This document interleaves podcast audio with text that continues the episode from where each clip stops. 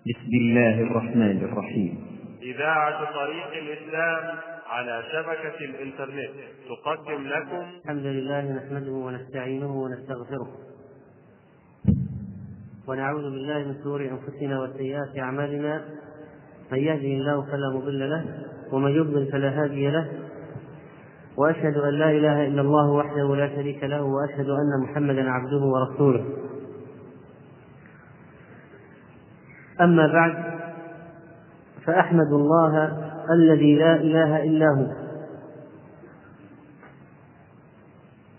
أحمد الله الذي أحمد الله الذي برأ الخليقة وأشهد أهل العلم على خير حقيقة. فقال الله سبحانه وتعالى شهد الله أنه لا إله إلا هو والملائكة وأولو العلم. وصلى الله وسلم وبارك على نبينا محمد سيد الأنبياء والمرسلين القائل من يرد الله به خيرا يفقهه في الدين. صلوات الله عليه وعلى آله وصحبه أجمعين. هو صاحب السنة الذي قال من سلك طريقا يبتغي به علما سهل الله له به طريقا إلى الجنة. وبعد أيها الإخوة فإن أشرف ما صرفت به الأوقات طلب العلم. ذلك أن العلم الشرعي يدل على الله سبحانه وتعالى ويقود إلى معرفته وخشيته والعلم بشريعته ولأجل ذلك كان أفضل الناس كان أفضل الناس بعد الأنبياء هم العلماء وهم ورثة الأنبياء والعلم مراتب وطلاب العلم لهم من هذا الشرف نصيب ولا شك. ولأجل هذا فإن الحث على طلب العلم أمر مهم. وهذا العلم أيها الإخوة كبير وبحر غزير. ومن أجل ذلك كان لا بد من معرفة القواعد التي تيسر لطالب العلم الطلب وتهديه إلى الطريقة الصحيحة والمنهج السوي. إذ أن الكثيرين يتحمسون لطلب العلم ولكنهم قد لا يعرفون المنهج الصحيح في طلبه.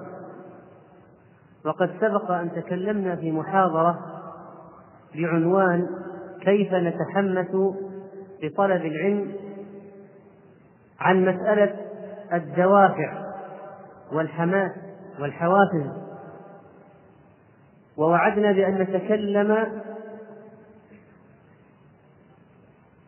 في محاضرة أخرى عن المنهجية في طلب العلم. وها هي في هذه المحاضرة بعنوان طالب العلم والمنهج. أسأل الله سبحانه وتعالى أن يهدينا سواء السبيل وأن يجعلنا وإياكم على السنة هداة مهتدين غير ضالين ولا مضلين.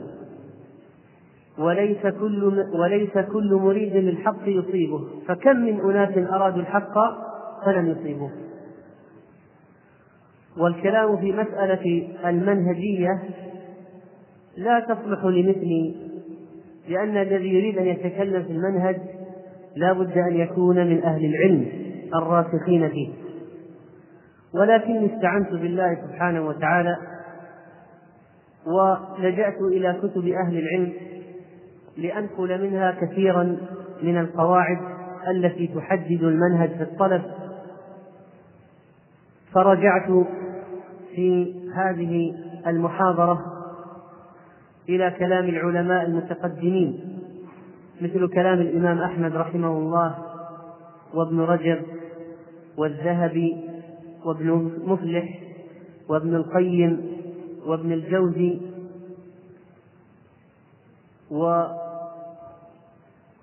وغيرهم من أصحاب الكتب المصنفة في هذا الموضوع مثل الخطيب البغدادي رحمه الله. ولجأت إلى بعض أهل العلم من الموجودين الآن كالشيخ عبد العزيز بن باز وغيره من العلماء وطلاب العلم الكبار. لأجل استخراج الضوابط والقواعد في هذا المنهج. وما أصبت من الله وما أخطأت فمن نفسي ومن الشيطان وأسأل الله سبحانه وتعالى أن يجعلنا وإياكم من أهل العروة الوثقى المتمسكين بالسنة والحريصين على طلب العلم. ربنا لا تزغ قلوبنا بعد إذ هديتنا وهب لنا من لدنك رحمة إنك أنت الوهاب.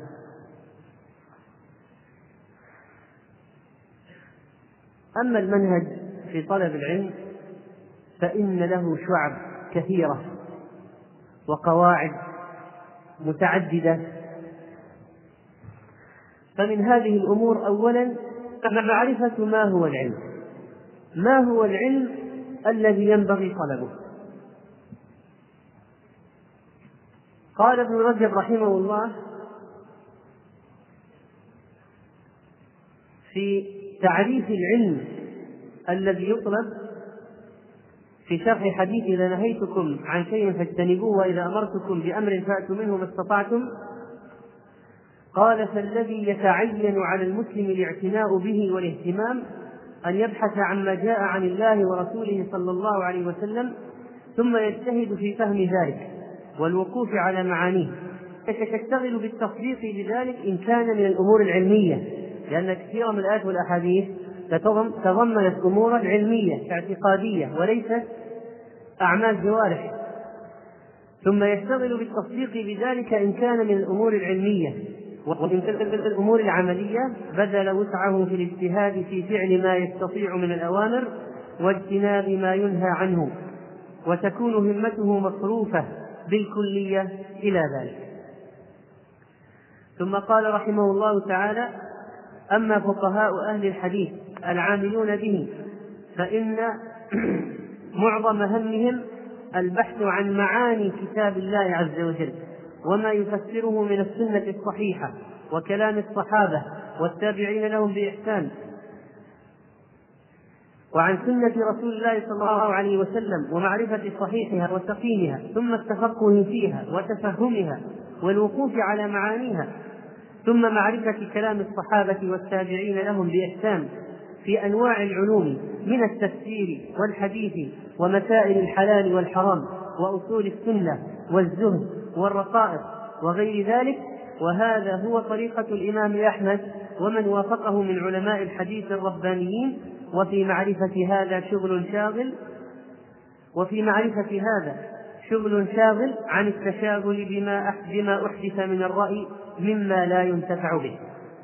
فالعلم قال الله قال الرسول قال رسوله قال الصحابة ليس خلف فيه. ما العلم نصبك للخلاف سفاهة بين الرسول وبين قول فقيه كلا ولا جحد الصفات ونفي حذرا من التأويل والتشبيه. وإعلموا رحمكم الله أن من العلم ما يكون من صلب العلم ومنه تكون من ملح العلم وأطرافه ومنه ما ليس بعلم أصلا. فالذي شرحناه قبل قليل هو صلب العلم. من كلام ابن رجب رحمه الله. وأما ملح العلم فسيأتي أشياء منها ولكنها في العموم ليست هي الأشياء الأساسية وإنما هي أطراف وفوائد ونكت فهذه تكون بالدرجة الثانية. ومنها ما ليس بعلم أصلا كالسعي لمعرفة أحكام العبادات التي لم يبن عن, عن, عن الحكمة فيها. مثل أن يقول إنسان أريد أن أبحث لماذا عدد ركعات صلاة الظهر أربع؟ لماذا عدد ركعات صلاة المغرب ثلاث؟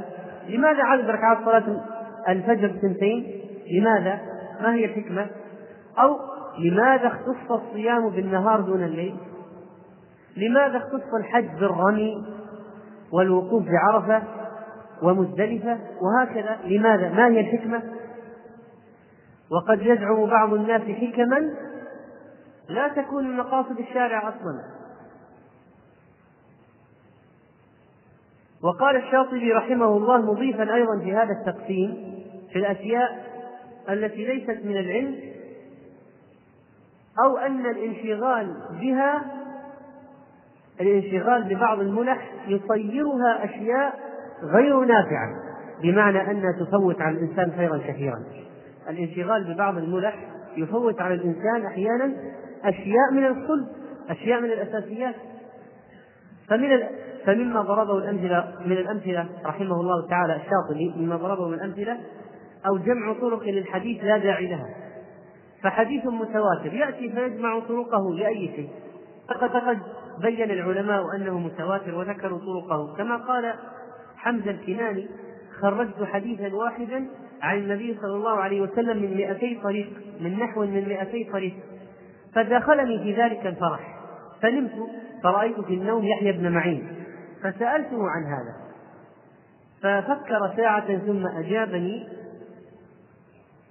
أظن أنه يدخل تحت قول الله تعالى ألهاكم التكاثر.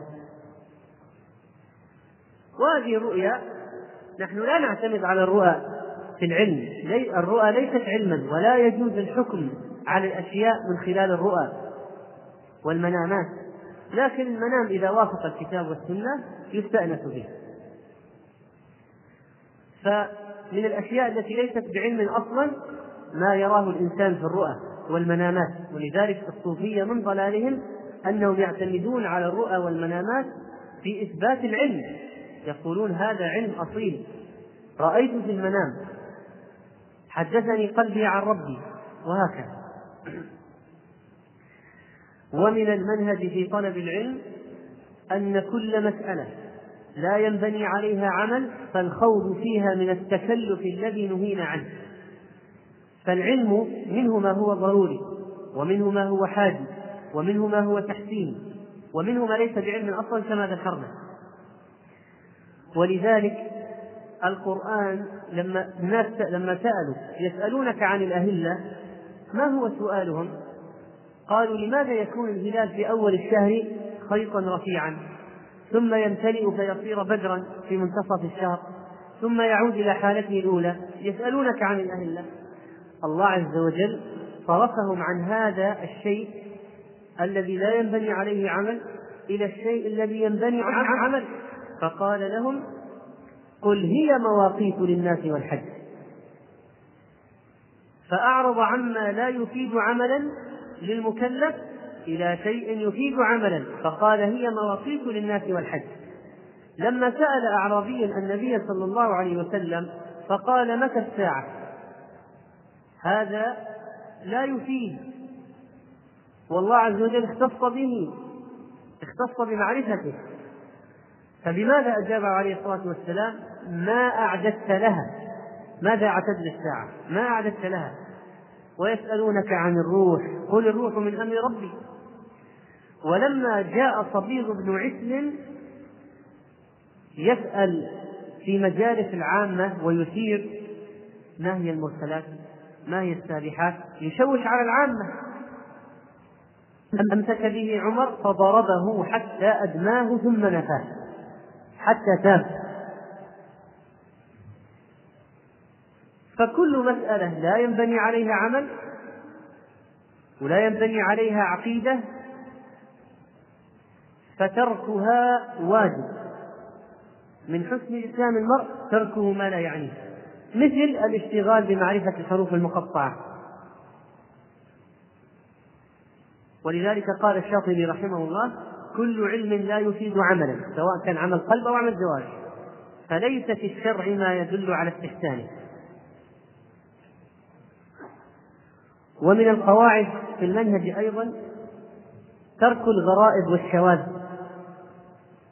قال الأثرم سأل رجل أبا عبد الله عن حديث الإمام أحمد فقال أبو عبد الله الله المستعان تركوا العلم وأقبلوا على الغرائب. ما أقل الفقه فيهم. وقال الحسن بن محمد سمعت أحمد بن حنبل سئل عن أحاديث غرائب فقال شيء غريب أي شيء يرجى به؟ قال يطلب الرجل ما يزيد في أمر دينه ما ينفعه هذا الذي يطلبه. وقال شر الحديث الغرائب التي لا يعمل بها ولا يعتمد عليها. وقال النخعي كانوا يكرهون غريب الحديث. وقال علي بن الحسين العلم ما تواطأت عليه الألسن. ما اشتهر بين العلماء. هذا العلم. أما تأتي بالغرائب والشواذ فهذا خطأ في منهج طلب العلم. ولذلك بعض الشباب إذا أقبلوا على القراءة أحيانا فقرأوا مثلا مثلا في كتاب صحيح الجامع يجعلون قراءته فيه. يقول نطلب العلم. فيمر قد يمر بحديث منسوخ. أو حديث حديث متنه فيه نظر أو حديث خالف قواعد وأصول أخرى. فيعتمدونه وليس ولذلك يحصل عندهم من الأخطاء شيء كثير ثم يجادلون به أهل العلم فيضيعون الأوقات من أعمالهم وأعمال غيرهم. وقبل أن نكمل في مسألة الضوابط ومعالم المنهج لا بد أن نعرج على مسألة لأن سياق الحديث قد يتغير عند بحث هذه المسألة. وهذه القضية هي عندما نقول طالب العلم والمنهج فمن هو طالب العلم الذي نقصده؟ وهل كل الناس يصلحون أن يكونوا طلبة علم؟ والحال التي نعيش فيها نحن اليوم التركيبة تركيبة المجتمع هذه الوظائف الموجودة وغير ذلك هل هي تخرج تمكن الناس فعلا أن يكونوا علم؟ فينبغي أن نعلم أيها الإخوة أن الناظر في الواقع لا بد أن يعرف ويخرج بنتيجة واضحة أن الناس لا يصلح كلهم لطلب العلم ولا جلهم لأن يكونوا طلبة علم. فهناك اختلافات في السن والوظيفة والدراسة. منهم من يدرس الطب والهندسة ومنهم من يدرس الشريعة. وحتى في الذكاء والفطنة يتفاوتون وفي الرغبة والميول يتفاوتون وفي التفرغ منهم من يكون عزبا دوامه قصير أو جدوله قليل ومنهم من يكون صاحب أسرة وأولاد. وعمله طويل وقد يعمل عملا إضافيا وقد يعمل بالليل والنهار. وهذه القيود من التفرغ والتخصص والميول والتفاوت في القدرات العقلية. لا بد أن تلجئنا إلى شيء مهم جدا لا بد أن نعترف به عند الخوض في هذه القضية. من الناس من هو عامل منهم من هو مهندس منهم من هو يشتغل بالدعوة إلى الله ومنهم من من منشغل بأمر نفسه. وحتى البلاد تختلف. فمن البلاد ما يكون فيها علماء ومن البلاد من لا ما لا يكون فيه علماء. من البلاد من فيه عالم في فن واحد ومنه ما فيه عالم في عدة فنون. من البلاد ما يكون فيه جامعات شرعية إسلامية ومن البلدان والقرى ما لا يكون فيه جامعات شرعية. من البلاد ما يكون فيها دروس في المساجد. من البلاد ما ليس فيه دروس في المساجد. ولذلك لابد أقرر وهذا الكلام مهم جدا أن فرقا عظيما بين المتفرغ لطلب العلم وغير المتفرغ. المتفرغ لطلب العلم الذي دراسته شرعية عنده أهلية واستعدادات وبين الإنسان المنشغل الذي يدرس قضية أخرى قد يدرس في الهندسة أو في الطب أو يدرس في علوم خارجة عن الشريعة متنوعة. لا شك أن هذا الرجل المنشغل بأشياء أخرى يصعب عليه أن يكون طالب علم. نحن لا ننفي ولا نقول لا يمكن للطبيب أن يكون طالب علم ولا للمهندس. لا وهذا خطأ. والذين يقولون أي طبيب أو مهندس يدخل في نقاشات علمية هذا متطفل. هؤلاء أناس مخطئون. عندهم غلو في القضية. نعم إن غالب المهندسين والأطباء ليسوا طلبة علم ولا يصلحون أن يكونوا طلبة علم بوضعهم الحالي هذا صحيح. طلب العلم يحتاج إلى جهد كبير يحتاج إلى وقت عظيم. ولا يمكن لإنسان يداوم من الساعة السابعة إلى الرابعة عصرا أن ينجح في طلب العلم ويكون طالب علم قوي. إلا ندرة من الناس عندهم استعدادات غير طبيعية. وهؤلاء الأشخاص ليسوا موضع البحث الآن. لكن الذي نريد أن نقوله أن الذي يظن أن هؤلاء العمال والأطباء والمهندسين يمكن أن يكونوا طلبة علم جيدين إنسان مخطئ متفائل جدا تفاؤلا خاطئا. والذي يظن أن الأطباء والمهندسين لا يمكن أن يخرج منهم ولا واحد ولا خمسة. لا يمكن أن يخرج منهم طلبة علم جيدين فهو مخطئ أيضا. لأن الناس طاقات. ثم يجب أن نقرر أن الاتجاه ليكون الإنسان عالما. هذا يكون لندرة من الناس الذين يكونوا علماء. من الذي يتوفر عنده الهمة والداعي والحوافز والحفظ والتقوى والفطنة والذكاء وسعة البال لكي يحفظ ويقبل ويفكر ويستنبط ويرجح. في النهاية من الذي يستطيع أن يصل هذه المرتبة؟ قلة من الناس. لكن هذا لا يمنع من المحاولة. لمن وجد في نفسه الأهلية لمن وجد في نفسه الأهلية للطلب الجيد. ثم لابد أن نقول أننا لا نريد من جميع المسلمين أن يكونوا طلبة علم أقوياء أو أن يكونوا علماء لأننا نحتاج إلى أطباء ونحتاج إلى مهندسين ونحتاج إلى عمال وصناع ونحتاج إلى خبراء في الجهاد والسلاح. المسلمون يحتاجون إلى تخصصات كثيرة فليس المقصود الآن هو دفع المسلمين كلهم لأن يكونوا طلبة علم أو علماء. وإنما لابد أن نركز على قضية وهي أن فئات المسلمين مهما اختلفت أفراد المسلمين مهما اختلفوا لابد أن يكون عندهم حد أدنى لابد أن يعرفوا أشياء أساسية عن الإسلام. هذا دينهم الذي يدينون الله به وهذه عباداتهم التي يعبدون الله بها. فلا بد أن يكون عندهم علم عن الأساسيات. لا بد. وهذا الكلام مهم لبعض الناس الذين يشتتون أنفسهم في التخصصات الشرعية وغير الشرعية. فلا يحسنون في هذا ولا في هذا. لأن التخصص غير يحتاج إلى متابعة يحتاج إلى تنمية مهارات يحتاج إلى اطلاع يحتاج إلى معرفة ما جد فيه. من قراءة الدوريات والأبحاث الجديدة. مثلا أدوية جديدة طرق جديدة في الصناعة. فهو هل يستطيع أن يجمع بين هذه الأشياء وما استجد فيها؟ وبين العلوم الشرعية التي هي بحر زخار لا شك أن لا يستطيع أن يفعل ذلك إلا ندرة ندرة من الناس. وهذه قضية واقعية وهذا الواقع يفرض نفسه ويجب أن لا يغيب عن بالنا. وهناك نقطة أخرى ألا وهي التفرقة التفريق بين المتخصص وغير المتخصص. هناك أناس من أهل العلم منذ نعومة أظفارهم ودرسوا في المعاهد العلمية ثم الكليات الشرعية. مثلا هؤلاء أناس أهليتهم لطلب العلم وتمكنهم أكثر. من أناس درسوا في الثانويات العلمية تخصص علمي ودخل جامعة علمية بمعنى من من العلوم الدنيوية وهكذا. هؤلاء لا شك أنهم سيكونون أقل استطاعة وأقل قدرة على أن يكونوا طلبة علم أقوياء. ما في ذلك شك لا تجادل بهذا. هذه قضية مفروغ منها. لكن لا يمنع ذلك. أن يجتهد الجميع في تحصيل ما يمكنهم. إنما الفرق الذي سيظهر في الجدول في المنهج الذي سيسلكه المتفرغ وغير المتفرغ المتخصص في الشريعة الحريف وبين غير المتخصص الذي لا يمكنه.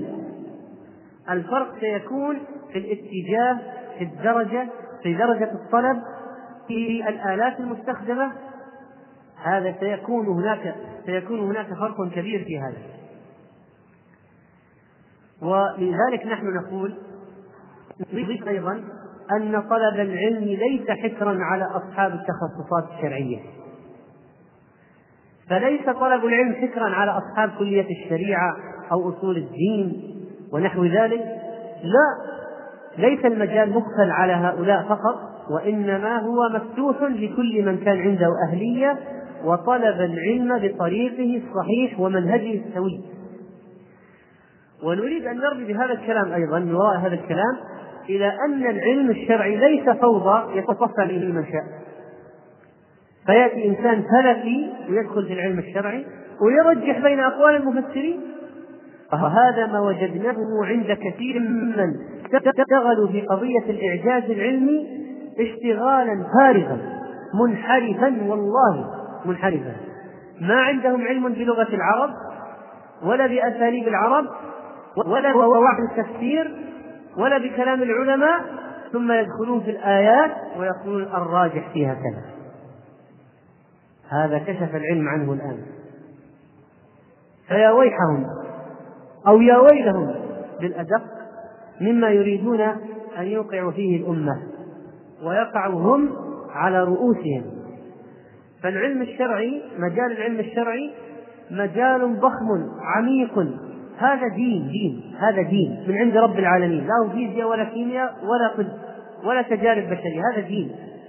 والذي يريد أن يدخل في الدين في هذا الدين لابد أن يكون أهل للدخول.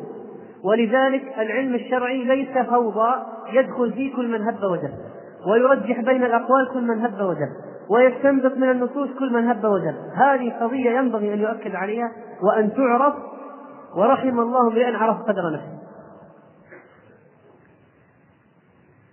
وطلب العلم لا يمنع من أن يكون الإنسان عنده مهنة.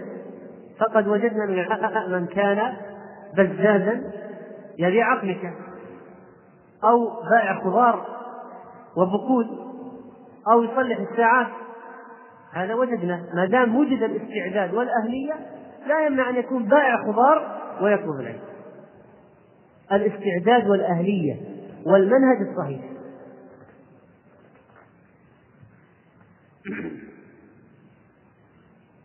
والذي لا يستطيع أن يكون طالب علم قوي لطبيعة عمله أو منطقته أو قدراته وحفظه وفهمه فهذا الإنسان نقول له لا يمكن أن تترك الدين وتترك الطلب لكن طلبا يناسب حاله فمثلا يحضر المحاضرات العامة الإسلامية الدروس التي تناسب مستواه إن وجدت يقرأ في كتب الثقافة الإسلامية العامة ويسأل أهل العلم ويحاول معرفة الدليل لكي يعبد الله على بصيرة ويقلد العالم إذا كان عاميا مذهب العالم مذهب مفتيه ثم إنه إذا جاء يدرس أشياء من الفقه هذا الشخص لن يشتغل بعلوم الآلة لن يدرس المصطلح ولا أصول الفقه ولا اللغة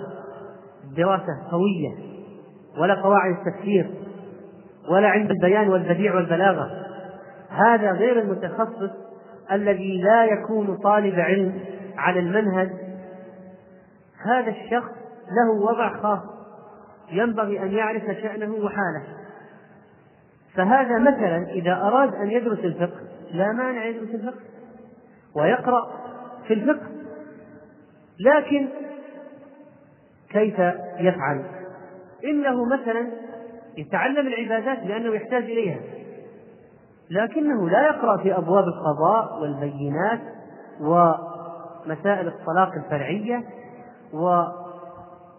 والمسائل الفقهية والقواعد الفقهية والبينات والدعاوى والإقرار والشهادة. هذه أبواب ليست له. هذه الأبواب لطلبة العلم المتخصصين والعلماء. ولذلك كثير من الذين لا يدركون حالهم ويعرفون قدرهم يريدون ركوب السلم بالمقلوب. يريدون تحصيل الأشياء الكبيرة وليس عندهم قدرة فيتردون على رؤوسهم. هذا الشخص يعرف أشياء عن العبادات لأن يعبد الله يعرف أشياء عن فقه الصلاة الزكاة الصيام الحج. لا مانع أن يتعلم من النحو شيئا يقوم به لسانه يدفع الجهل عن نفسه يتعلم من دين الله ما يستطيع. لكن هذا الشخص لا يخطط له أن ينقل العلم إلى غيره بمعنى أن يصبح معلم علم شرعي. يمكن أن ينقل فتوى لآخر. يقول أنا سألت فلان من المشايخ وقال لي كذا وأنقل الفتوى إليك. أنا مجرد ناقل لكن أنه يتبوأ حلقة علمية يوم من الأيام في مسجد من المساجد هذا لا يتوقع له ذلك. ولا يخصص له لذلك. وكما قلنا هذا لا يشتغل بعلم الآلات لا يشتغل بالمصطلح والأصول والنحو ونحو ذلك. و كما قلنا نحن لا نطالب الجميع بأن يكونوا طلبة علم حقيقيين لأن الأمة تحتاج إلى طاقات أخرى كثيرة. وطلب العلم الحقيقي لا يحصل إلا للشخص المتفرغ المجد. طلب العلم الحقيقي لا يحصل للناس الذين يعطون العلم فضول الأوقات. ليس الأطباء والمهندسون والموظفون في مجملهم في مجملهم. يمكن أن يسلكوا طريق العلم القوي. ونحن لا نريد أن نخدع هؤلاء ونقول لهم بإمكانكم أن تكونوا علماء. ابدأوا! لا هذا من عدم النصيحة. وإنما نحن نقول له يا أخي هذا وضعك وهذا ظرفك وهذه طاقاتك وقدراتك ينبغي أن تسلك سبيلا تتعرف فيه على دين الله تعرف أكبر ما يمكنك أن تعرفه تعرف الأشياء التي تريد لابد أن تعرفها مثل الصلاة والطهارة والزكاة والصيام والحج إذا أردت أن تحج والنكاح إذا أردت أن تنكح والبيع إذا أردت أن تبيع أن تعرف ذلك. والناس في نقص من عهد النبي صلى الله عليه وسلم إلى الآن يتناقص. تناقص البركة في كل شيء وتناقص الحفظ ويتناقص العمق في الفهم. تتناقص أشياء كثيرة. خير التابعين قرني ثم الذين يلونهم. خير الناس قرني ثم الذين يلونهم ثم الذين يلونهم. فالآن القادرين على أن يكونوا علماء أقوياء هم قلة وندرة من البشر. وهذا العلم يقبض.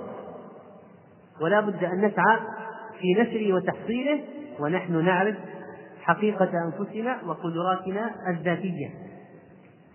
نحن نبين لهذا غير المتفرغ. نقول أنت على خير إن شاء الله. أنت تمسك بالدين. تربي نفسك عليه وأهلك وأولادك وتدعو إلى الله على بصيرة وتطلب من العلم ما تستطيع طلبه وتسأل أهل العلم وتقلد العالم. تستفتي تسمع الأشرطة تقرأ بعض الكتب المبسطة. لا بأس أن تقرأ بعض المتون البسيطة. لكن لا نكلفك بحفظ المتون. تقرأ متون بسيطة مع شروحاتها. مثلا تقرأ بعض كتب التفسير. لا مانع هذا شيء مطلوب منك. بعض شروحات العقيدة المبسطة. بعض كتب الحديث. يطلع على رياض الصالحين مثلا. اقرأ في كتب الفتاوى للعلماء. نقول لهذا العام اقرأ في كتب الفتاوى. تفهم فتاوى العلماء فتاوى المشايخ. خذ رسائل أبحاث. صغيرة في مسائل متفرقة في صفة الصلاة في الأضحية في أنواع الصلوات صلاة بحث صلاة الاستخارة لا مانع. حاشية لكتاب التوحيد التوحيد مبسطة مثل مثلا حاشية الشيخ ابن قاسم مثلا. المواضع التي تشكل لا مانع اقرأ في الكتب المبسطة والأشياء التي تشكل عليك اسأل عنها.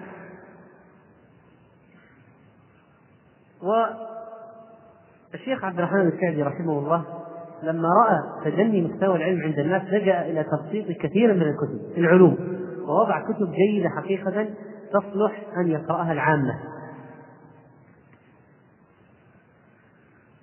ونقول لهذا الشخص الطبيب أو المهندس ونحو ذلك غير المتفرغ لطلب العلم اقرأ أبحاثا في العقيدة مثل مثلا سلسلة الشيخ عمر الأشقر بعضها يصلح لأن يقرأ فيها على سبيل المثال خذ أشياء تتعلق بفقه الدعوة. السيرة لابد أن تقرأ في السيرة في الأخلاق لكي تتكامل الشخصية. وإذا وجدت دروس احرص على حضورها إذا كانت الدروس تصلح لك. لكن هذا لو صار هناك درس متخصص في أصول الفقه لا يصلح أن يحضره. إذا كان ما عنده استعداد أو أهلية يحضر درس في التفسير نعم. في السيرة نعم. درس مبسط في الفقه نعم. يحتاج إليه. وإذ أنت إذا درست نقول له أنت إذا درست الفقه مثلا لا يحتاج أن تواصل بعض العبادات في المعاملات وتذهب في الجنايات وغيرها والشهادات ونحوها والعتق والمدبر وأحكام ذلك التي لا تحتاج إليها أصلا.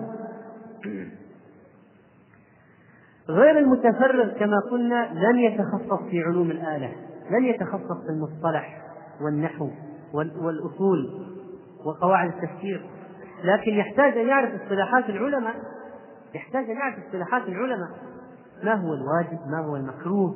ما هو المباح؟ ما هو المستحب؟ ما هو المحرم؟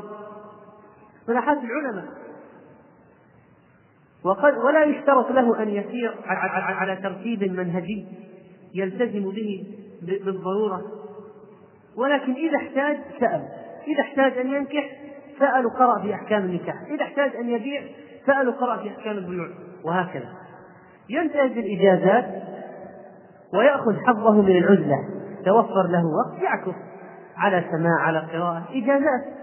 لأنه ليس طالب علم متفرد. ليس طالب علم متفرد. لا بد أن نقدر المسألة حق قدرها موظف عنده ثمان ساعات عمل.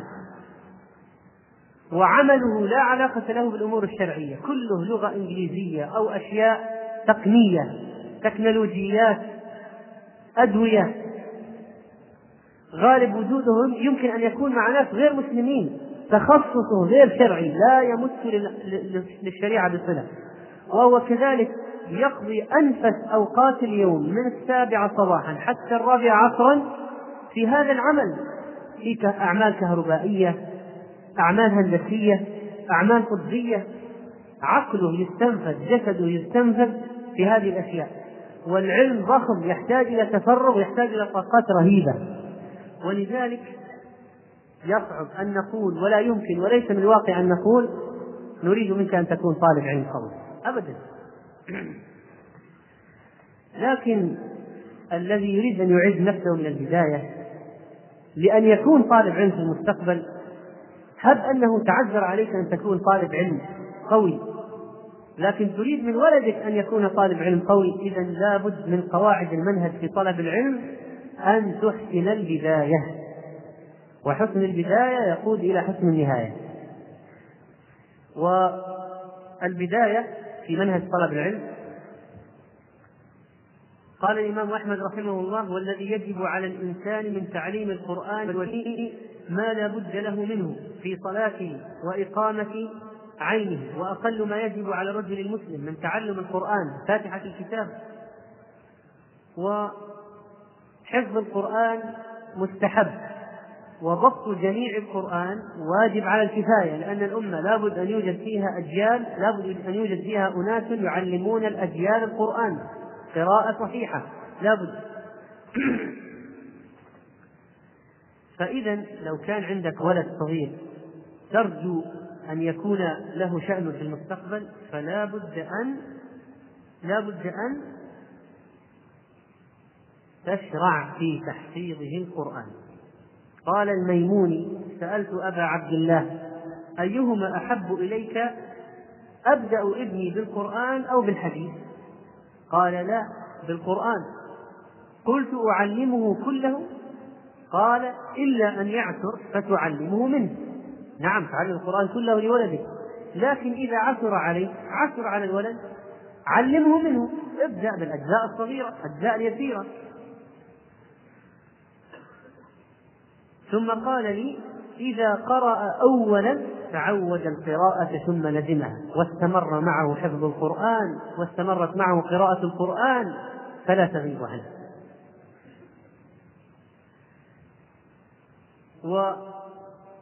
وطالب العلم أول ما يشتغل لا شك بكتاب الله لا شك أول ما يشتغل بحفظ كتاب الله والذي يبدأ غير هذه البداية فإنه منكوس.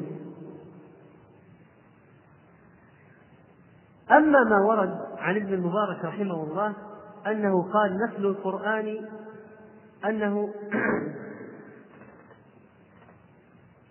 أن أنه قال أن العلم يقدم على فمقصوده العلم الذي يتعين على صاحبه أن يعلمه يقدم على حفظ أشياء أجزاء من القرآن.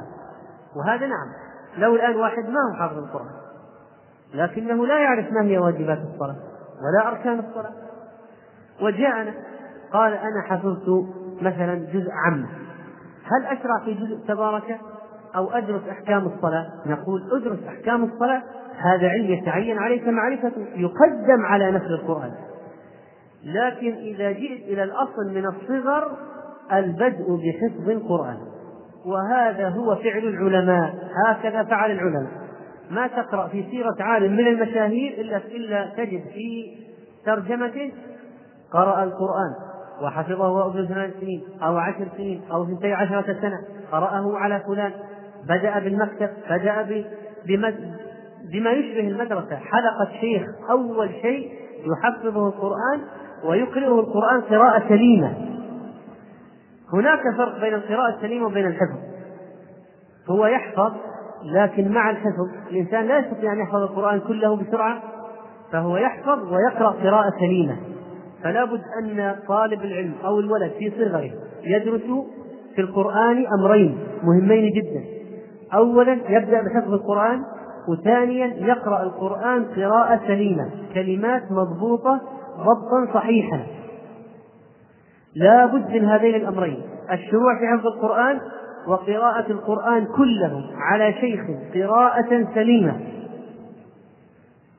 وأم يكسرون والذين يخبطون ويمسكون بالآيات على غير ما أنزلها الله سبحانه وتعالى. فلا شك أن هؤلاء جهلوا جهلا عظيما. ثم يريدون بعد ذلك أن ينتقلوا إلى التصحيح والتضعيف في الأحاديث. هذا هو. أما بالنسبة لغير المتفرغ في هذه المسألة فإن الأمر كما نقلنا عن الإمام أحمد رحمه الله وكما قال أيضا طلب العلم فريضة. سئل طلب العلم فريضة؟ قال نعم لأمر دينك وما تحتاج إليه من أن ينبغي أن تعلمه.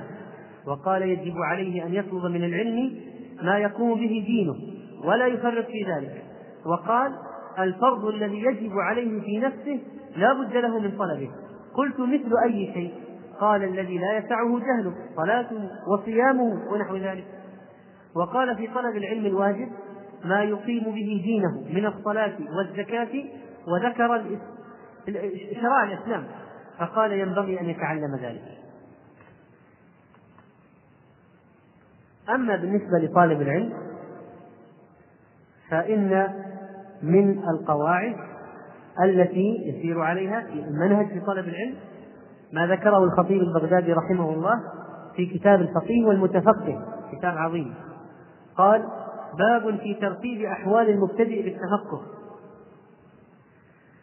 وذكر آداب منها وأشياء منها منها ما يدخل هو هو قد يكون أدب لكن يدخل في المنهج منهج في الطلب. عن الأصمع قال سمعت أبا عمرو بن العلاء يقول أول العلم الصمت. والثاني حسن السؤال والثالث حسن الاستماع والرابع حسن الحفظ والخامس نشره عند أهله. هذه بدايات منهج لا بد منه في الطلب. أولا الصمت يسمع يسمع. ثانيا حسن السؤال ولذلك كثيرون يخطئون عندما يسأل قبل أن يفهم. أول ما يخطر بالي سؤال يسأل. انتظر يمكن أن يأتيك الجواب بعد قليل. افهم قد يكون الجواب مضى في كلام الشيخ. اولا الصمت ثانيا حسن السؤال. ثالثا حسن الاستماع رابعا حسن الحفظ. خامسا نشره عند أهله. ولذلك بعض الناس ينشرون العلم عند غير أهله. وقد ينشر عند فاسق يحتج به. ينشر بعض الأشياء في العلم. لا يناسب ذكره عند فاسق فكأنما يقلد الخنازير الدرر والجواهر وقال الأصمعي قال الخليل حين أردت النحو أتيت الحلقة أتيت الحلقة حلقة العلم. فجلست سنة لا أتكلم إنما أسمع. فلما كانت السنة الثانية نظرت نظرت نظرت. تدبرت فلما كانت السنة الرابعة سألت وتكلمت. هذه المنهجية المفقودة عند كثير من الشباب اليوم. ثم قال الخطيب رحمه الله ويلازم حضور المجلس واستماع الدرس وإذا مضى له برهة في الحضور وأنس بما سمع سأل الفقيه أن يملي عليه من أول الكتاب شيئا ويكتب ما يملي. قال الخطيب رحمه الله ويلازم حضور المجلس واستماع الدرس وإذا مضى له برهة في الحضور وأنس بما سمع سأل الفقيه أن يملي عليه من أول الكتاب شيئا ويكتب ما يملي. يقول أملي عليه. ثم يكتب ما يملي. ثم يعتزل وينظر فيه. يذهب إلى زاوية المسجد إلى البيت ينظر فيما كتب. فإذا فهمه انصرف وطالعه وكرر مطالعته حتى يعلق بحفظه. أملي عليه يملي عليه. يذهب ويقرأ. ثم يفهم ويحفظ ويعيده على نفسه حتى يتقنه. فإذا حضر المجلس بعد سأل الفقيه أن يستمعه منه. يقول خذ سمعني خذ سمعني. ويذكره له من حفظه. ثم يسأل الفقيه إملاء ما بعده. ثم يسأل الفقيه ما بعده. يقول هات حل أنا أحسنت الأول أتقنت الأول هات دفعة جديدة. رحمك الله. ويصنع فيه كصنيعه فيما تقدم. يصنع في الدفعة الجديدة من العلم صنيع فيما تقدم في الدفعة التي قبلها. فإذا من أسس المنهج التدرج. من أسس المنهج في طلب العلم التدرج. قال ولا ينبغي أن يستفهم من الفقيه يعني الشيخ العالم حكم الفصل الذي يذكره له قبل أن يتمم الفقيه ذكره. فربما وقع له النسيان عند انتهاء الكلام. قال الله تعالى لا تعجل بال... لا تعجل ولا تعجل بالقرآن من قبل أن يقضى إليك وحيه ولا تعجل بالقرآن من قبل أن يقضى إليك وحيه. انتظر يا محمد صلى الله عليه وسلم. إذا تكلم جبريل أنصت يا محمد صلى الله عليه وسلم حتى ينتهي جبريل مما عنده. فإن انتهى كلام الفقيه ولم يبن له الحكم سأله عنه حينئذ فإنما شفاء العي السؤال ويستعرض جميعه كلما مضت له مدة ما اسم هذا؟ ما هو هذا؟ ها؟ ما هو هذا؟ المراجعة المراجعة ولا يغفل ذلك فقد كان بعض العلماء إذا علم إنسانا مسألة من العلم سأله عنها بعد مدة فإن وجده قد حفظها فإن وجده قد حفظها علم أنه محب للعلم فأقبل عليه وزاده. وإن لم يره حفظها وقال المتعلم كنت قد حفظتها ونسيتها. أو قال فأنسيتها فأنسيتها. أو قال كتبتها فأضعتها. والله يا شيخ ضيعت الدفتر.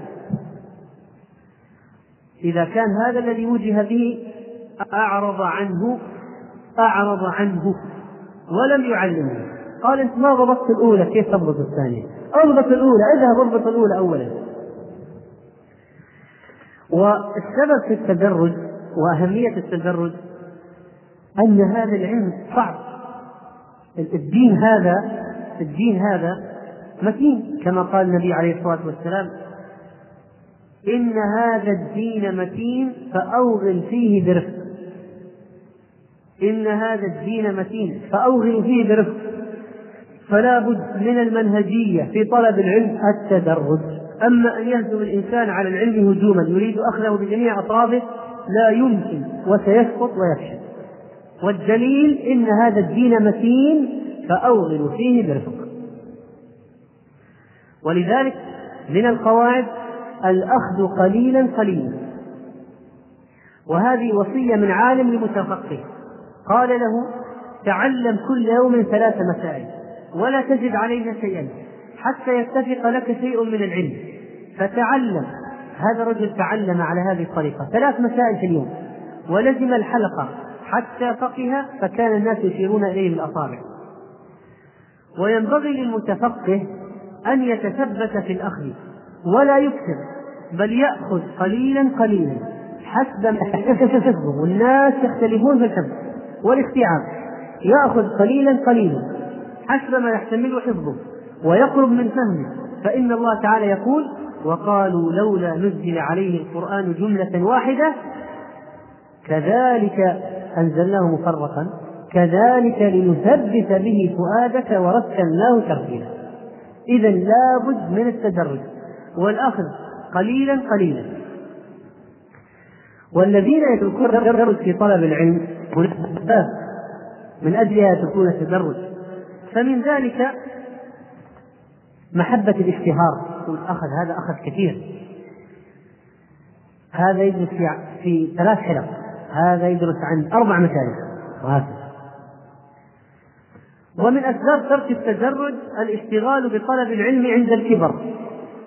يعني واحد مثلا يطلب العلم مثلا وعمره متقدم. فتقول له تعال نعلمك ألف بائيات العلم ونبدأ معك من البداية بالعلم الشرعي. يأنس يقول أنا أجلس مع الصغار أنا أجلس مع الأطفال. تريد أن تعلمني مثل ما تعلم الأطفال؟ لا أعطيني من اللي فوق. ليش تبدأ؟ من أسفل. فهذا يستنكر. فهذا من أسباب ترك التدرج أنه لا يبدأ بالاهتمام بالعلم الشرعي إلا في سن متأخرة. وكذلك الطوارق المزعجة والهموم المشغلة وتقسم الأفكار. فهذا مستعجل يريد أن ينهي ينهي بس أنهي علينا. خلص لنا الكتاب يا شيخ. نحن الآن جالسين سنوات في الكتاب. وأنت ما بعد تحركت من, من هذه الأبواب في الأول. أنهي لنا الكتاب. عجل. انجز. نريد أن نخلص من هذا الكتاب. فهذه آفات الاستعجال يمنع التدرج ويقضي عليه. وكذلك من أسس منهج طلب العلم الأولويات. قال ابن الجوزي رحمه الله يعني على طالب العلم أن ينظر فيما يحفظ من العلم فإن العمر عزيز فإن العمر غزير فإن العمر عزيز والعمر والعلم غزير فإن العمر عزيز العمر عزيز نادر كم سنة محدودة والعلم غزير والعلم غزير. وإن أقواما يصرفون الزمان إلى حفظ ما غيره أولى منه. وإن كان كل حسنا ولكن الأهم والأفضل.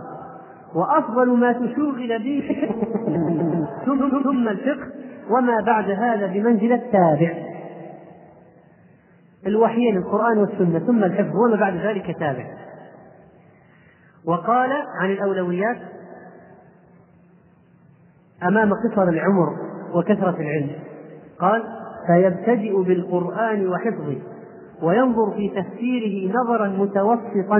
لاحظ ما هو ما يجمع يقول أريد أن أجمع تفسير الآيات من ابن كثير والبغوي والقرطبي وزاد المسير وتفسير المحيط وكتاب الشوكاني فتح القدير وأضواء البيان ولا قال أول ينظر في نظرا متوسطا. يعني الإنسان لما يبدأ في التفسير يبدأ في تفسير مبسط. مثلا يأخذ على سبيل المثال تفسير ابن سعدي على سبيل المثال يأخذ فيه مثلا ينهي تفسيرا متوسطا. تفسير ابن كثير يصلح أن يكون أيضا في ضمن التفاسير في مرحلة الوسط. في مرحلة الوسط. وسنأتي عليه إن شاء الله. ينظر في تفسيره نظرا متوسطا. لا يخفى عليه بذلك منه شيء. يعرف معاني كلام الله؟ يأتي على القرآن في تفسير متوسط. لا لا يجمع الأقوال. ليست الآن قضية جمع أقوال واشتغال بدقائق الأشياء التي في الآية. لا. خذ لك تفسيرا متوسطا. على قراءة تضبطها. قراءة من القراءات السبع مثلا أو العشر تضبطها. وأشياء من النحو. وكتب السنة ابتداء بأصول الحديث من حيث النقل كالصحاح والمسانيد والسنن ومن حيث علم الحديث بعد ذلك هذا كمعرفة الضعفاء والأسماء قد ينظر في أصول ذلك وقد رتبت العلماء من ذلك ما يستغني به الطالب عن التعب ولينظر في التواريخ ليعرف ما لا يستغني عن ما لا يستغنى عنه. كنسب الرسول صلى الله عليه وسلم وأقاربه وزوجاته وأزواجه وما جرى له يعني يأخذ فكرة عن السيرة. ثم ليقبل على الفقه فلينظر في المذاهب والخلاف وليكن اعتماده على مسائل الخلاف فينظر في المسألة وما تحتوي عليه فيطلبه من مظانه كتفسير آية وحديث وكلمة لغة ويتشاغل بأصول الفقه والفرائض. يعني هذا المنهج في الجملة لكن الأولويات في التفصيل تختلف. وقال رحمه الله ورأينا في هذا الزمان من اشتغل بالحديث جمعا وتصحيحا وغريبا وطرقا ولكنه مقصر في حفظ القرآن الكريم.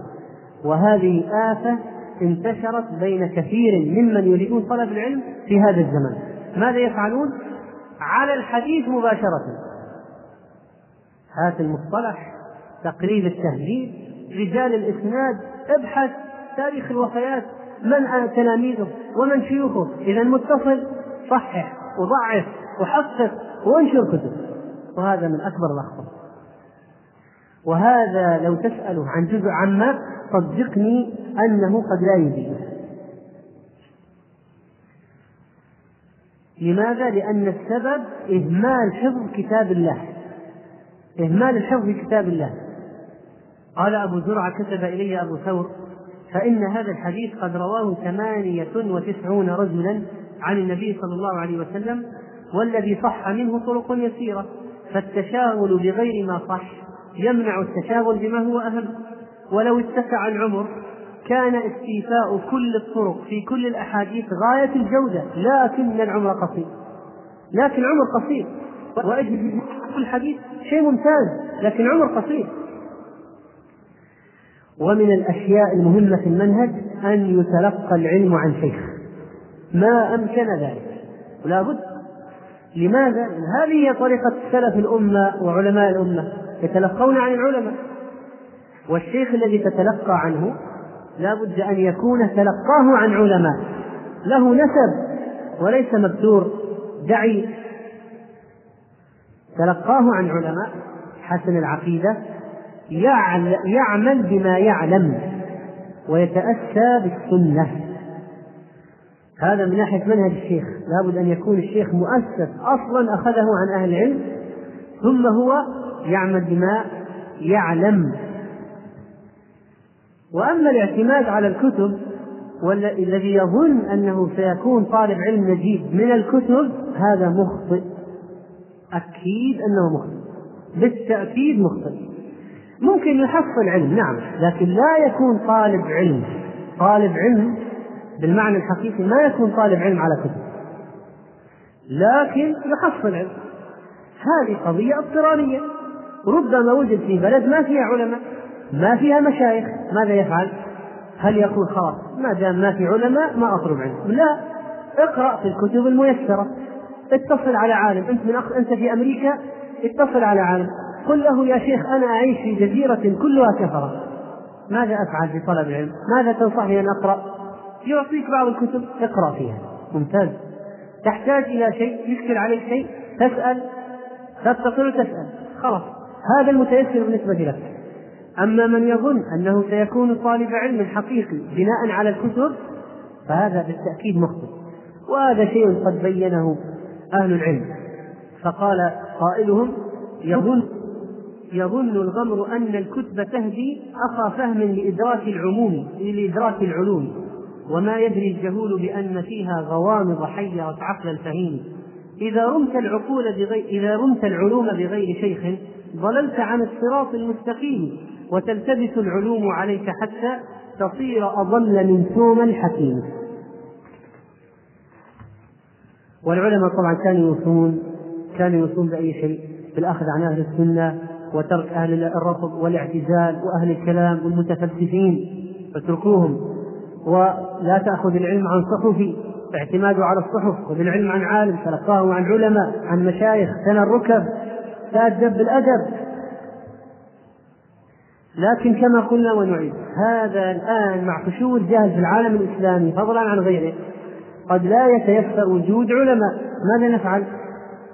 قد نسافر نعم. لكن الشباب كثير منهم لا يستطيعون السفر مرتبط بدراسة بوظيفة. إذا يستغل الإجازات.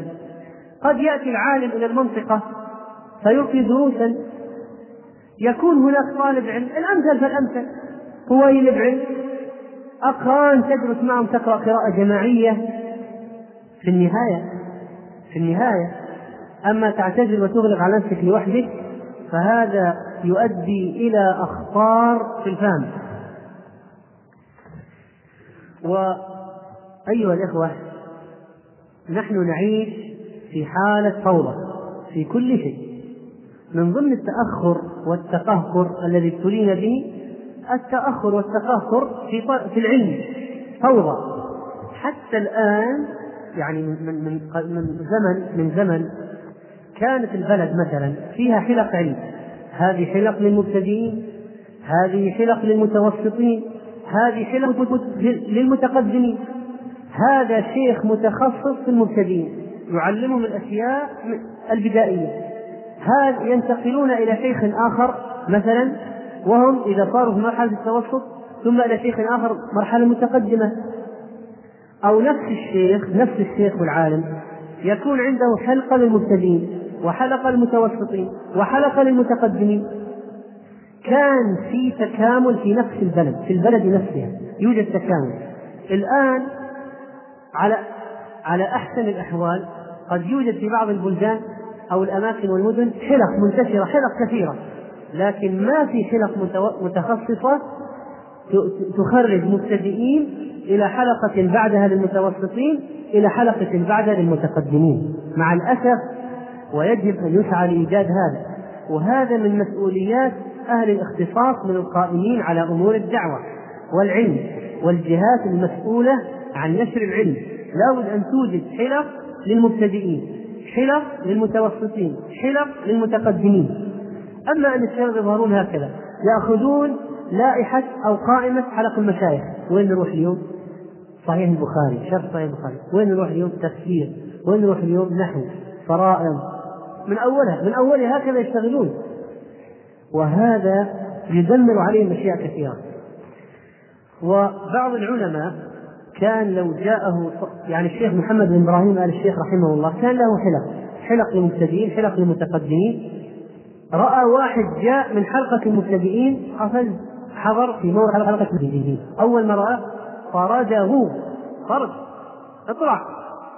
اذهب لأن وجوده هنا يضره.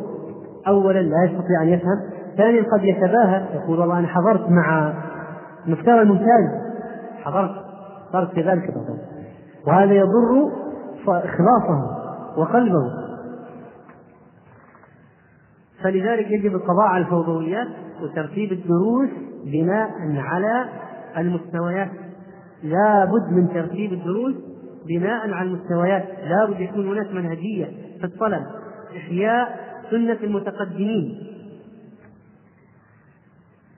و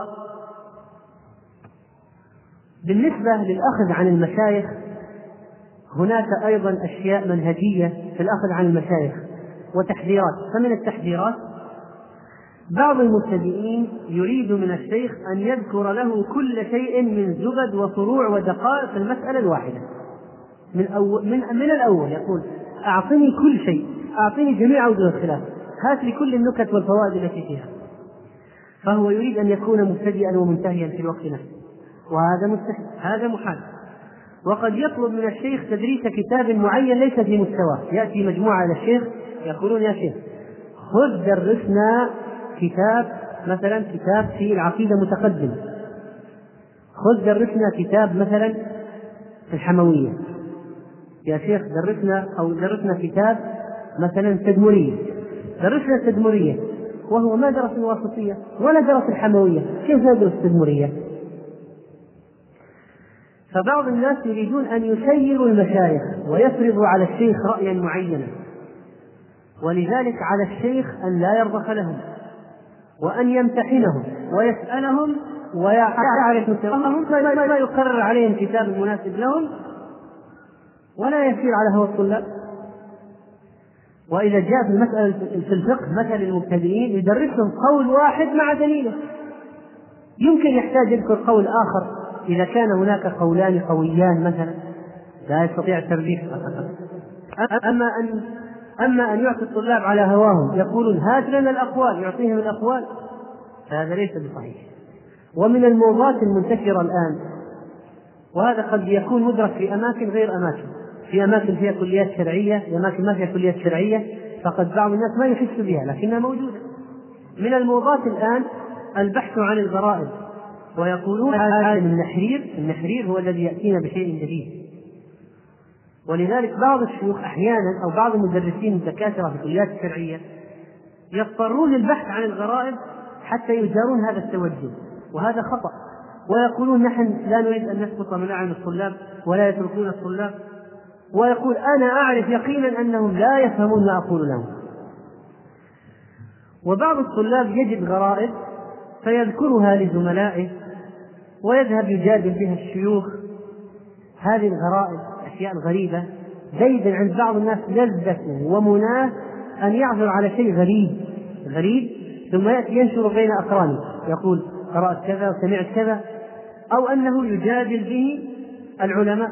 ونحن نذكر تحذيره عليه الصلاة والسلام الذي حذر فيه من الذي يتعلم العلم ليجاري به العلماء أو يماري به السفهاء ويصرف به وجوه النار الناس إليه هذا النار النار. فهو في النار كبه الله على وجهه في النار. وكذلك من التنبيهات أن بعضهم قد ينصرف عن الشيخ لبطئه وتركيزه ويقول ذهبنا المنطقة الفلانية جلسنا عند الشيخ. يا أخي الشيخ بطيء. الشيخ بطيء. خلاص تركنا الشيخ. ناخذ أشرطة الشيخ ونسمعها كلها في ليالي ورا بعض نخلص المنهج. لا بد من ثني الركب عند المشايخ ولزوم حلق العلماء لأن فيها أدب ومعرفة. كما قلنا سابقا كان هناك آلاف يجلسون عند الإمام أحمد. قليل منهم يتعلمون العلم والبقية يتعلمون الأدب. يتعلمون الأدب الجلسة مع الشيخ وفي حلقة العالم فيها تعليم أدب. ومع الأسف أيها الإخوة نحن نعاني من ندرة العلماء. في منطقة ما فيها عالم واحد. ما في عالم واحد. مع الأسف. ولذلك نحن نستعين بالله. والأمثل فالأمثل. وما لا يدرك كله لا يدرك بعضه ومن الأخطاء أيضا في قضية المنهج في الدراسة على المشايخ تتبع المشاهير والانصراف إليهم للأخذ عنهم مع وجود هذا على الشرط مع وجود مع وجود بعض بعضهم بعض المغمورين الذين قد يكون أنفع وأسهل وأقرب وأقل زحاما وأكثر فائدة. ولكن يترك هذا لأنه مغمور مع أنه يفي بالغرض يعلمك فرائض هذا المتن فرائض هذا فلان يكفي له. لا لابد أن أذهب إلى هذا الشيخ المشهور طيب أنت قد تترك المغمور هو أسهل وأقرب وقد يكون أكثر فائدة لك لأنه أسرع. تستطيع أن تأخذ راحتك معه في النقاش. وتذهب إلى حلقة فلان فقط لأجل أن يقال أنا من تلاميذ فلان. أنا درست على فلان. ولذلك تجد هؤلاء أصحاب الهوى ما يتركون فرصة صغيرة بمناسبة وبغير مناسبة بل يقحمون القضية إقحاما في أي نقاش من النقاشات ليصل إلى فرصة يقول حدثني شيخي فلان. قال شيخي فلان. درست عند شيخي فلان. مع ما فيها مناسبة ولا فيها أدنى ما في ارتباط في النقاش والحديث لكن يقحمها إقحاما ليقول جلست عند فلان. وطبعا بعض هؤلاء أصحاب هوى والعياذ بالله يجلسون عند أسبوع عشرة أيام ثم يرحلون في في الأمصار أنا درست عند الشيخ فلان وفلان وفلان وهو جلس عند هذا أسبوع وهذا في الصيف جلس عنده عشرة أيام وهذا أخذ عنه سطرين ولا صفحة في كتاب وقال شيوخي قل إليك مسرد شيوخي مرتبة على حرف الهجائية وإذا جئنا إلى قضية دراسة الفنون المختلفة لطالب العلم فقد ذكروا أن المغاربة لهم لهم منهج. فإنهم ينهون العلوم فنا فنا. أول شيء يحفظ القرآن. إذا انتهى منه حفظ كذا ثم ينتقل إلى وهكذا. المتون المتون المختلفة. فينهي متن متن في اللغة ثم متن في الأصول متن في المصطلح متن في الفرائض. وهذه المتون يعتنون بها ويحفظونها حفظا شديدا. ومن أشهرهم الشناقطة. الشناقطة من أشهرهم في هذا إلى الآن. هذه طريقة أهل المغرب. يقولون ننهي الفنون فنا فنا. ويقولون يعني الذي يجمع بين علمين كالتوأم. يريد أن يخرج معا ولا يمكن. لا بد أن يخرج أحدهما قبل الآخر. وربما لا يزيدون على بيت واحد يوم. هذه طريقتهم. ولو زاد ربما ضربه المعلم. أما المشارقة فإنهم يجمعون بين أكثر من علم في الوقت نفسه. مثل ما حدثوا عن النووي أنه كان يقرأ تسعة علوم في وقت واحد أو 12 درس في اليوم منها تفسير منها مصطلح منها أصول منها حديث منها آه، منها في اللغة منها في الفرائض يعني أنواع مختلفة. فيكون الدرس الواحد فيه عدة علوم. هذه الطريقة ستكون أشمل لكن الطريقة الأولى أثبت. على المدى البعيد الطريقة الأولى أثبت. وعموما فإن المسألة تختلف باختلاف الهمم والطاقات والمواهب والأحوال والبلدان وطريقة الشيخ. فإن بعض النفوس تمل مثلا. ما يمكن تقول لي اجلس سنتين إلى أن تنهي مثلا متن في اللغة أو متن في الأصول. أنا أجلس سنتين في الأصول دائما دائما أصول يصاب بالملل فالقضية الطريقة الطريقة تعتمد على الأحوال تختلف باختلاف الأحوال الناس فيهم الملول وفيهم الصبور. و هذه بالنسبة لقضية تنوع الفنون في الطلب في وقت واحد ولكن طبعا هناك أولويات. ومن الأمور المهمة في الأولويات الاعتناء بفنون الآلة بعلوم الآلة. ما هي علوم الآلة؟ علوم الآلة هي العلوم التي يتوصل بها إلى فهم الشريعة. وسائل وأدوات ليست غاية في نفسها لكنها وسيلة لفهم القرآن والسنة. مثل اللغة العربية هذه العلوم المساندة. هذه العلوم المساندة علوم مهمة مساندة. مصطلح الحديث أصول الفقه قواعد التفسير علوم البلاغة والمعاني والبيان. هذه علوم الآلة. وعلوم الآلة هذه لها مختصرات ومتون جمعها العلماء. فمثلا لو أخذت في في اللغة العربية ستجد مثلا ملحة الإعراب أو الآجرومية هذه من أشهر الأشياء التي يبدأ بها في اللغة. جئت إلى الحديث ستجد مثلا نخبة الفكر أو البيقونية. لو جئت إلى الأصول ستجد مثلا الورقات متن الورقات في أصول الفقه. وفي هناك بعض الكتب جمعت هذه المتون وطبع بعضها حديثا جمعت متون وطبعت.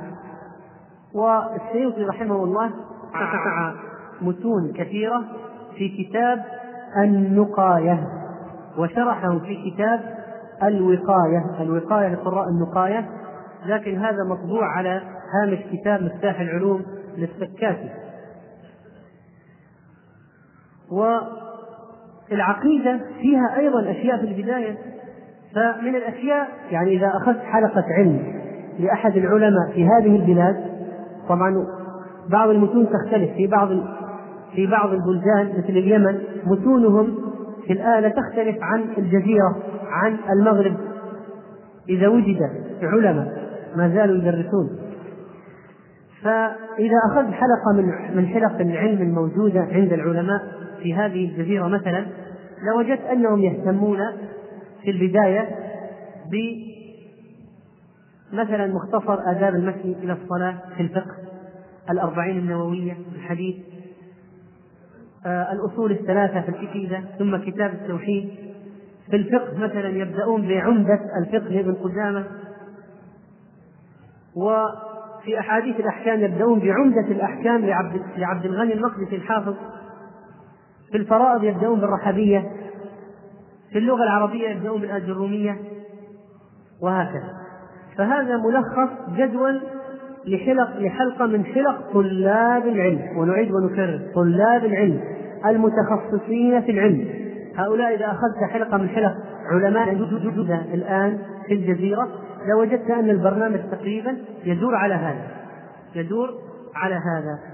وإذا أتقن الطالب طالب العلم في البداية هذه الأشياء يعني الأصول الثلاثة والحديث الأربعين النووية حفظا وشرحا كتاب التوحيد عمدة الأحكام في أحاديث الأحكام وعمدة الفقه في الفقه والأجرومية في اللغة والرحبية والورقات في أصول الفقه. فهذا قد أسس نفسه واستعد للانطلاقة الكبرى. هذا فعلا طالب علم في في بداية طريقه التي يشقها بثبات ويسير فيها بقوة. ومن الأشياء المهمة أيضا في المنهج الأخذ من كل علم بنصيب دون نسيان العلوم الأخرى. كما تقول الحكمة خذ من كل شيء شيء وخذ من شيء كل شيء. خذ من كل شيء شيء وخذ من شيء كل شيء. ما معناها؟ ما معناها؟ خذ من كل شيء شيء ومن شيء كل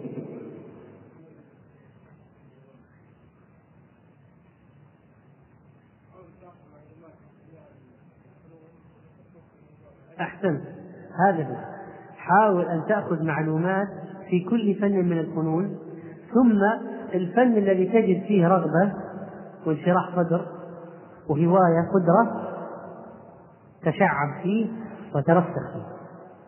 خذ من شيء خذ من كل شيء شيء. أساسيات كل علم أساسيات كل فن. ومن شيء يعني أنت وجدت نفسك فيه متمكن لك فيه رغبة ومن شيء كل شيء. ثم تخصص. وهذه من من أعظم القواعد أعظم الأشياء في المنهج. تأخذ أساسيات كل فن ثم الفن الذي تجد نفسك فيه قادرا تبحر فيه. قال ابن الجوزي يعني في الناس الذين يخصصون يتخصصون في فن ينسون كل شيء. مثل الآن بعض بعض الناس مثلا يقول لك والله أنا ما أفهم إلا في هذا الشيء لا تسألني عن أي شيء آخر. وهذا موجود موجود. وبعضهم إذا تعلم شيء وتخصص في العلوم الدنيوية ينسى الأشياء الأولى. لا يفهم الآن إلا في الشيء الذي تخصص فيه. وهذا خطأ. ولم تكن هذه طريقة علمائنا. أنهم يتخصصون في معين وما ما عندي إلى غيره أو أنه يتخصص بشيء وينسى الأساسيات. هذه من القضايا التي طرأت الآن على طريقة التعليم. طريقة خاطئة موجودة الآن حتى في التخصصات الدنيوية. فلو واحد متبحر في جزئية معينة ولا يفهم شيء في الأشياء الأخرى أبدا يكون أضل من من بعيد فيها. وقال ابن الجوزي معبرا عن حال هؤلاء الأشخاص الذين يتخصصون في فروع معينة فرع معين وينسون الأشياء ولا يأخذون بالبدائيات والأساسيات في العلوم الأخرى. قال ولقد أدركنا في زماننا من قرأ من اللغة أحمالا. اللغة ما شاء الله اللغة العربية ما شاء الله. فحضر بعض المتفقهة.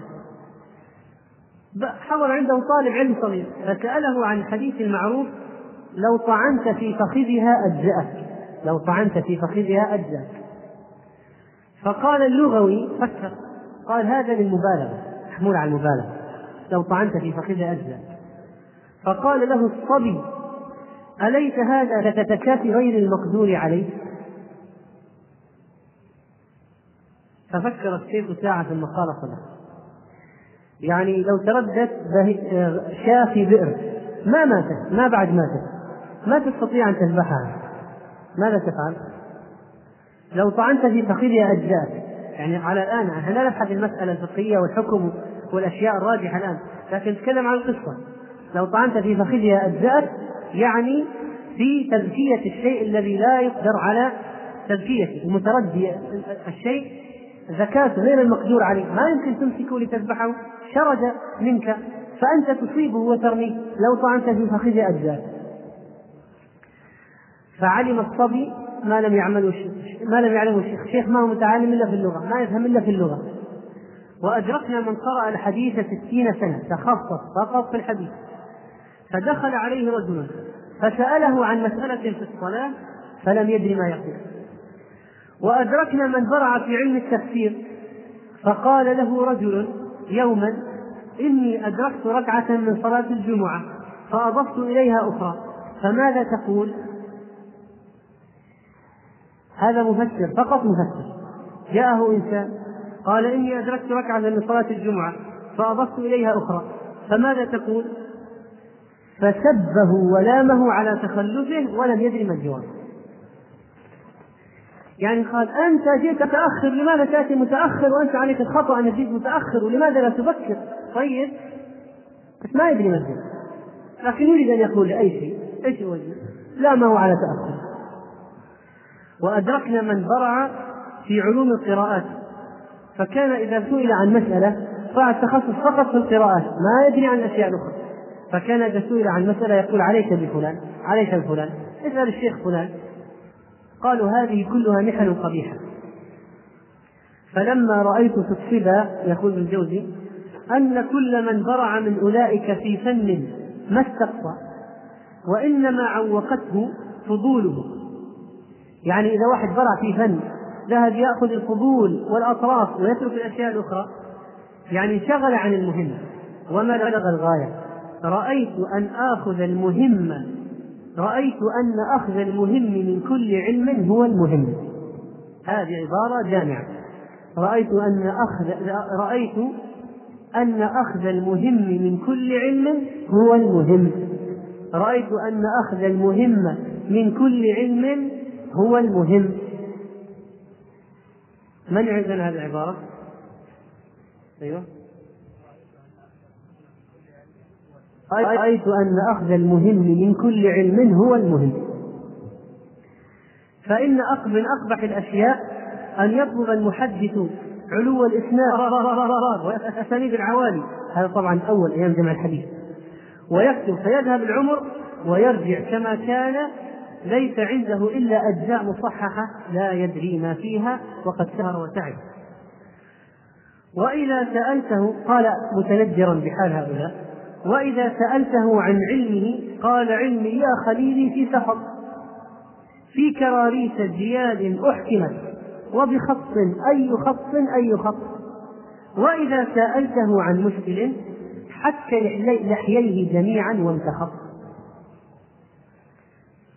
ومن الإرشادات أيضا لطالب العلم في قضية الفنون أن لا يجمع بين كتابين في فن واحد في وقت واحد. لا يجمع بين كتابين لا يجمع بين كتابين في فن واحد في وقت واحد ما المقصود؟ يعني مثلا لو تريد أن تدرس الفقه لا تدرس مثلا لا تدرس منار السبيل وزاد المستقنع في نفس الوقت مثلا لا تدرس كتابين في فن واحد في وقت واحد لماذا؟ لأنه يسبب التداخل في المعلومات وصعوبة الحفظ وصعوبة العزم في المستقبل. يصعب عليك أن تعزم.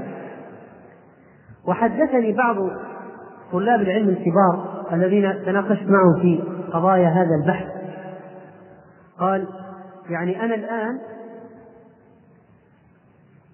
جاء علي فترة كنت أحفظ البيقونية ونظم النخبة نظم نخبة الفكر للصنعاني نظم النخبة والألفية هذه كلها موضوعة في إيش؟ في المصطلح. قال كنت أحفظ البيكونية ونظم النخبة والألفية في واحد يقول الآن وأنا الآن إذا أردت أن أتذكر إذا جاءني يعني قضية في المصطلح وأريد أن آتي بالشاهد لا أدري أذهب إلى هذا أو إلى هذا أو إلى هذا ثم أني إذا أتيت بشيء قد أحتار يعني هذا في أي مكان في هذه المنظومة أو في هذه أو في هذه. فإذا النصيحة أن لا يقرأ أكثر من كتاب في الفن الواحد في وقت واحد. وكذلك من الإرشادات على الطالب إذا بدأ يدرس كتابا أن لا يحضر من عدة كتب. المبتدئ إذا أراد أن يدرس كتاب في فن لا يحضر من عدة كتب حتى لا يضيع نفسه بل يحفظ المتن وشرح الشيخ الذي يدرس عليه المتن إن كان الشيخ متقنا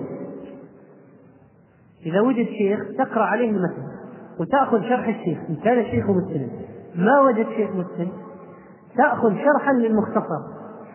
تضبط المتن والشرح وتحصل على خير عظيم. إذا أشكل عليك أشياء أشكل عليك أشياء ارجع إلى المطولات لتجد الأشياء المشكلة فقط. ولا يكون هذا جيدا لك وعدم التوسع في البداية يساعد على ضبط المعلومات. وكثير من الطلاب إذا جاءوا يحضرون موضوع موضوعا حضره من عدة كتب. فماذا يحدث له؟ تشتت. تشتت. و